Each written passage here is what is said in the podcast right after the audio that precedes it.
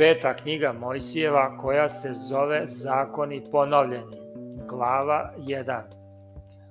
Ovo su reči koje govori Mojsije svemu Izraelju s onu stranu Jordana u pustinji u polju prema Crvenom moru između Farana i Tofola i Lovona i Asirota i Dizava.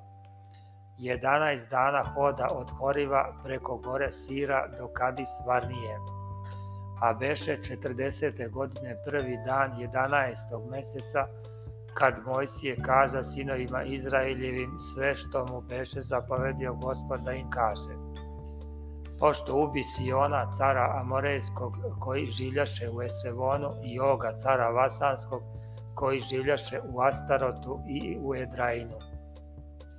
S one strane Jordana, u zemlji Moavskoj poče Mojsije kazivati ovaj zakon govoreći Gospod Bog naš reče nam na horivu, govoreći dosta ste bili na ovoj gori. Obrnite se i podignite se i idite ka gori Amorejskoj i u svu okolinu njenu, u ravnice i u brda i u doline i na jug i na bregove morske, u zemlju Hanansku i na Livan i do reke velike reke Efrata. Eto, dao sam vam zemlju, uđite u nju i uzmite zemlju za koju se zakleo gospod ocima vašim, Avramu, Isaku i Jakovu, da će im je dati i semenu njihovom nakon njih. I rekao vam onda govoreći, ne mogu vas nositi sam. Gospod Bog može vaš e, umnožio vas je i eto vas danas ima mnogo kao zvezda nebeskih. Gospod Bog Otaca vaših da vas umnoži još hiljadu puta više i da vas blagoslovi kao što vam je kazao. Kako bih ja sam nosio muke vaše, bremena vaša i raspre vaše. Dajte iz plemena svojih ljude mudre i vešte i poznate da vam ih postavim za starešine. Tada mi odgovoriste i rekoste, dobro je da se učini šta si kazao. Tada uzevši starešina plemena vaših, ljude mudre i poznate, postavih вам ih за старешине, за хиљаднике и стотинаре и педесетаре и десетаре и upravitelje po племенима вашим.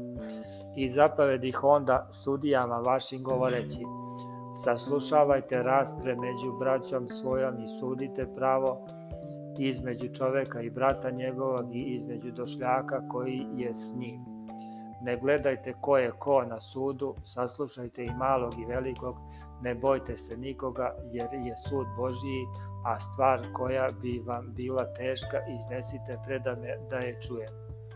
I zapovedih vam onda sve što ćete učiniti.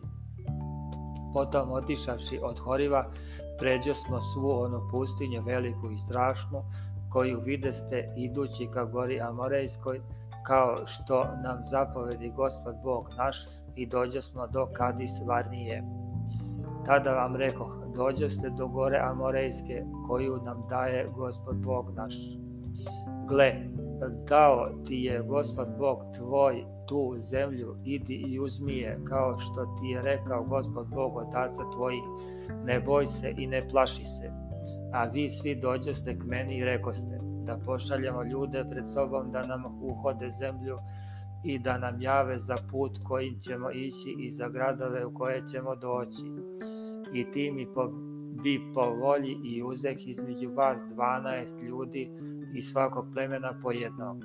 I oni se podigoše i izišavši na goru dođoše do potoka Eshola i uhodiše zemlju i nabraše roda one zemlje i donesoše nam i javiše nam govoreći, dobra je zemlja koju nam daje gospod Bog naš. Ali ne hteste ići nego se suprotiste zapovesti gospoda Boga svog. I vikaste u šatarima svojim govoreći, mrzi na nas gospod, zato nas izvede iz zemlje Misirske, da nas da u ruke Amorejcima i da nas potre kuda da idemo, braća naša, uplašiše srce naše govoreći, narod je veći i viši od nas, gradovi su veliki i ograđeni do neba, pa i sinove enakove vide smo onde. A ja vam rekoh, ne plašite se i ne bojte ih se. Gospod Bog vaš koji ide pred vama, on će se biti za vas onako kako vam je učinio u misiru na vaše oči i u pustinji gde si video kako te je nosio gospod Bog tvoj, kao što čovjek nosi sina svog celim putem kojim ste išli dokle dođe se do ovog mesta.